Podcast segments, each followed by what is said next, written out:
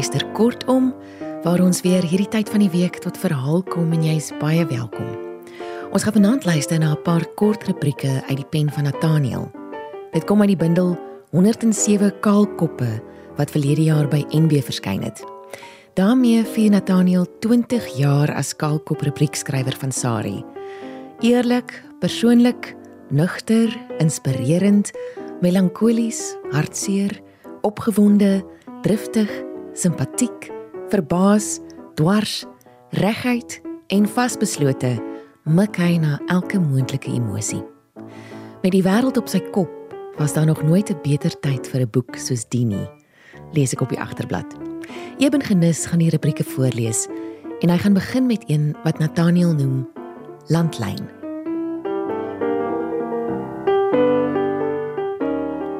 Hallo ma. Hallo. Dis ek. Hallo. Ek bel net oor die aflewering. Hallo. Kan ma my hoor? Duidelik. Mamma bly dan net groet. Dis toe ek jou nie kon hoor nie. Ek sukkel met hierdie ding. Dis die waarheid. Vroeg vanjaar is my ma se geliefde telefoon sonder aankondiging of seremonie uit die muur geruk en vervang met 'n aaklige nuwe kontrepsie.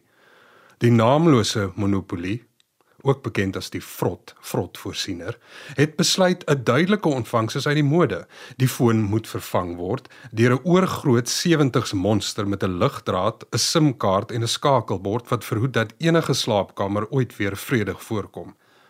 'n Hele kultuur, 'n volledige geskiedenis, die hoogtepunt van elke gewone dag is deur 'n ongenooide wese kort geknip. Daar was dadelik trauma. My ma moes leer om die monster te tem. Sy het net begin vrede maak, toe is die lyn dood. Na 30 oproepe wat tydens ek weer eens besef het hoe gereeld my stem aangesien word vir die van 'n dame in haar 80's, is daar aangekondig dat die SIM-kaart foutief is. Terselfdertyd is die virusafsondering absoluut. Ek word 100 jaar ouer kontakspioene en internasionaal gesogte tonnelgrawers dreig die naamlose monopolie met oorlog, maar uiteindelik moet ons aanvaar dat Ma se landlyn die duister binne is. Sy nooit weer 'n klokhelder lyn sal ervaar nie. Haar kontak met die buitewêreld is nou slegs moontlik met die tekortkominge van 'n selfoon. Wat anders? Hulle jonger geslag. Hulle weet niks soos kerskaartjies, koeverte met sakgeld, fotoalbums van regte papier, koerantknipsels en swart en wit troufoto's, het die landlyn hulle verbygegaan. Die apparaat wat eens, soos die kombuis voor televisie, die middelpunt van die huis was, wat sy eie ruimte en sitplek gehad het, wat 'n ander tekstuur aan die lewe gegee het as die kroniese gogga in die hand, is vir die meeste 'n vergange gesukkel gebeure saam met warmwatersakke en handgeskrewe briewe. Ek onthou waar die foon gestaan het in elkeen van die huise waarin ons gewoon het. Ek onthou die luitoon eie aan elke huis. Die tyd van die dag wanneer ma met 'n koppie tee langs die foon gaan sit het. Wanneer ek rondgetrippel het van ongeduld, wagtend op 'n maat se oproep, wanneer ouma op 'n Saterdagmiddag gebel het, hoe ek haar langs haar gangtafeltjie kon sien sit, die voordeur oop die middagson oor die stoepplante. Daar's beplan aan elke volgende oproep. Daar was stories om te vertel. Daar was werklike nuus. Jou eie mure het platgeval. Jy's meegevoer na 'n ruimte wat jy geken het en voor jou kon sien. Daar was die klank van die ander stem, presies soos wat 'n foonstem moes klink. Presies soos die klank wat in die rolprente gebruik is. Dit was 'n oomblik. Nog 'n oomblik was 'n onverwagse lui, vreemdes en verres wat op onverwagse tye wou praat. Iemand wat geroep moes word na die opgewonde kind of agterdogtige ouer. Ons kon dowwe gesprekke hoor. Intrige. Ons was onbederf. 'n Landlyn was 'n ding vol misterie.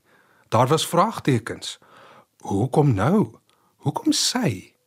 En daar was romantiek. Die landlyn was die enigste ding wat afstand kon oorwin. Daar was ook etiket, die regte manier van groet. En bovenal die gehoorstuk wat woedend neergegooi kon word op 'n dramatiese oomblik. Ongemaklik, oudtyds, beperk? Nee, daar was matigheid, en uitsien en voorbereiding. Die landlyn het homself nooit in die rede geval nie. Nie gepiep of boodskappe kom rondgooi nie. Daar was onverdeelde aandag, respek en 'n sein. Die wêreld is 'n nuwe plek. Ons het geen idee wat wag en hoe die kuiers van die toekoms mag lyk nie. Vir my, wat 'n foon liefhet en nie drank of fisiese teenwoordigheid nodig het vir 'n lang, lywige kuier nie, is alles in die hak. Gee my net af en toe die seremonie en stilsit van die landlyn.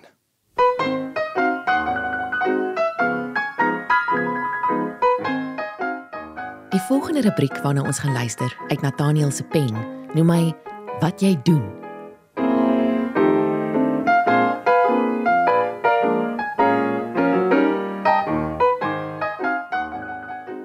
Dis stoepstil rondom my. Niemand maak 'n geluid nie. Niemand beweeg nie. Daar is 'n klomp van ons. Ons staan in 'n ry en staar. Voor elkeen hang 'n prent. Meer as 'n prent, 'n kunswerk. Meer as 'n kunswerk, 'n beroemde kunswerk deur 'n beroemde kunstenaar. Elke raam bevat 'n voorwerp van besonderse waarde 'n skepping ter waarde van miljoene, selfs meer, selfs onskatbaar. Voor my hang 'n groot wit vierkant. Van links onder na regs bo is daar 'n wilde kwashaal, 'n potblou grouwe streep. Regs onder is 'n rooi kol. Dis 'n slordige kol.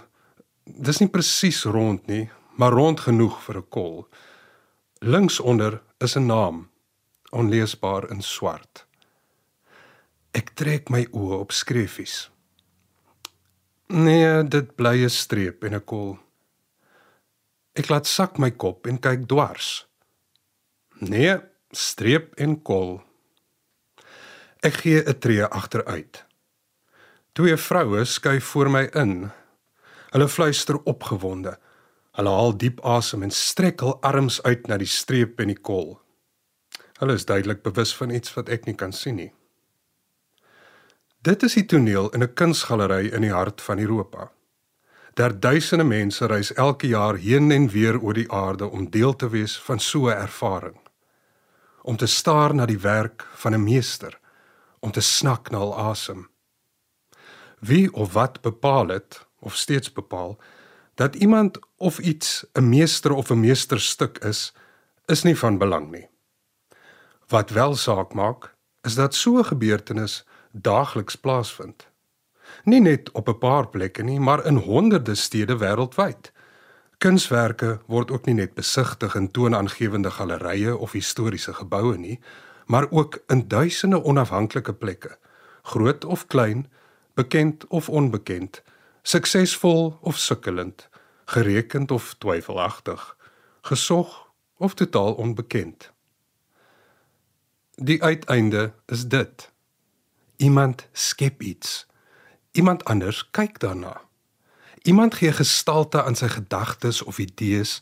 Iemand anders bewonder dit of bevraagteken dit of verafskiet dit of geniet dit of vrees dit of ontleed dit of bly onaangeraak of word geïnspireer of behep of mal Dit gebeur nie net met prente, fotos, films, beeldhouwerke of installasies nie, maar ook met klank, musiek, woorde, kleredrag, argitektuur, kos en drank. Iemand maak iets, iemand anders reageer of nie. Wat presies is dit? Die behoefte aan 'n gesprek, 'n poging tot rykdom, die strewe na onsterflikheid, ego, die hoop op roem? Dit gaan beslis nie oor kuns nie. Dit is 'n debat vir iemand anders. Dit gaan ook nie oor kwaliteit of talent nie. Dit gaan oor 'n geheim, 'n atoom, 'n drang, 'n roeping, 'n knaande stemmetjie, 'n onbekende formule, die iets wat mense laat doen wat hulle doen. Ek het al een keer in my lewe skil vir korsdee gemaak. Dit was moeite en dit was vervelig. En die resultaat was nie so ongelooflik dat ek dit ooit weer wil doen nie. Ek koop skilverkorsdeeg in 'n winkel. Erken dit hardop en gebruik dit gereeld in sonder skaamte. Maar iewers is daar 'n man wat soggens dou voor dag opstaan, sy voorskoot aansit en hompe deeg meng sonder om moeg of verveeld te raak. Hy doen dit met trots en liefde. Hy is 'n bakker van formaat. Hy wil en sal nooit iets anders doen nie. Op 'n ander plek sit 'n vrou by haar klavier. Sy is nie meer jonk nie en het al honderde liedere geskryf. Sommige het baie bekend geraak en sy het 'n fortuin daarvoor ontvang. Sy hoef nooit weer te werk nie. Maar sy hou aan tokkel tot laat in die nag. Sy wil en kan niks anders doen nie. Ek sal mors dood neerslaan die dag as ek weet ek het my laaste storie vertel. Ek gaan nooit weer 'n fantasie uit my duim suig nie. Ek wil of kan niks anders doen nie. Die laaste rubriek wat Eben Genis vanaand gaan voorlees, noem Nathaniel Kleerekuns. Dis 'n pragtige someroggend. Ek moes al 10 minute terug my hotelkamer ontruim het. My tas is reeds gepak, maar ek bly karring met my kostuumsak. Die lang baadjie met die duisende klein kristalle lê op die bed. En in my hand het ek 'n hemp wat bestaan uit ontelbare klein koperblaartjies. Die hele hemp is lewendig. Die blaartjies beweeg as jy net daaraan raak. Dit is soos 'n wese uit 'n tekenrolprent, 'n troeteldier uit 'n verre wêreld. Ek mors tyd soos 'n kind Uit die kas haal ek 'n verskriklike groot jas. Eintlik is dit 'n rok. Nee, eintlik is dit 'n seremoniële gewaad. Dit is gemaak uit 'n stewige swart lap. Het 'n klein somber kraag, amper soos die van 'n ampslid uit 'n baie ou vroeë Spanje. Die skouers en moue is nou passend en van die bors af klok dit uit na onder, meer soos 'n koepel of 'n gebou as 'n kledingstuk. Die hele skepping is bedek met pikswart blomme, elkeen gestuk uit dieselfde aaneenlopende stuk lint. Dis 'n stoei geveg om hierdie ding in die kostuumsak te kry. Dit is gemaak uit genoeg lap om 'n wynplaas mee te bedek en nie een stukkie mag seer kry nie. Is dit iets wat 'n man besit? 'n Volwasse man in die moderne wêreld? Ja, ja, ja. En sou die hotel afbrand, is dit wat ek sal red. Dit is 'n kunswerk. Iets wat vir my van onskatbare waarde is. Ek koop skillerye, ek belê gereeld in 'n nuwe stel breekware. Ek kan nie verby 'n mooi boek stap nie, maar my hart bok spring die hoogste vir 'n ding gemaak uit lap. Ek onthou hoe my jonger broer vroeër die jaar in Frankryk uit 'n winkel gehardloop het toe hy besef ek gaan regtig daai baadjie koop. Ek is regtig bereid om my ou dag en alle gepaardgaande gemoedsrus prys te gee ter wille van 'n onweerstaanbare ding op 'n hanger. Dit verbuister my dat 'n wese gebore uit twee aardse ouers sulke goed kan vervaardig. Dat iemand 'n stuk lap in sy hande kan neem en 'n asemrowende, draagbare voorwerp kan skep. Ek praat nie hier van 'n matriekafskeid monster gemaak uit 'n patroonboek nie of die skandalige fantasieë van een of ander trourokontwerper nie. Ek praat van 'n unieke stuk handewerk wat jou asem wegslaan. Waarna jy ure kan kyk, waarvan die detail en kwaliteit jou verbuister, wat jou vervul met vreugde en opgewondenheid. Hoe weet hulle hoe om 'n mou perfek te kry? Hoe is dit moontlik dat iemand 'n lap om 'n pop kan draai met 'n paar spelde vroetel en 'n menslike vorm voortbring? Hoe is dit moontlik dat iemand anders of meer dikwels dieselfde persoon daardie idee na 'n reuse vel papier kan oordra en 'n patroon, 'n blou druk voortbring? Wie het die geduld om ure te sit en kristalle, valle, knope, parels, krale of lint vas te werk? Of selfs nog in hierdie tye te borduur? Wie se rug of oë kan dit hou? Hierdie mense transformeer ons Hulle skep dinge wat die waarheid binne ons soek en na vore bring. Hulle laat ons toe om vir enkele oomblikke in 'n aanpaskamer of enkele minute voor 'n kansel of enkele ure op 'n verhoog of vir 'n leeftyd te wees wie ons werklik is. Wie ons werklik wil wees. Met naald en gare bring die meesters kunswerke na die aarde. Ek is nou al 'n volle uur laat. Die kamermeisie, wat 'n verskriklike woord, klop benoud aan my deur. "Kamerdiens," skree sy. "Meneer, meneer, vertrek u nog?" Daar's 'n paar oomblikke stilte. "Meneer, ons moet nou die kamer skoon maak. Die hotel is vol bespreek." Ek wou dit nog altyd doen.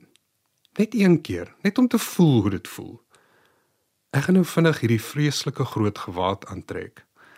Dan gaan ek die deur oopmaak, 'n sekonde wag en dan doodrustig vra: "Kan ek help?"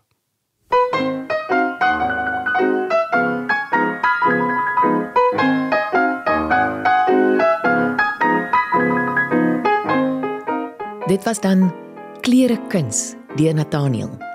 Eben Genis het vanaand die rubrieke voorgeles. 'n Mooi aand vir jou. Tot volgende keer.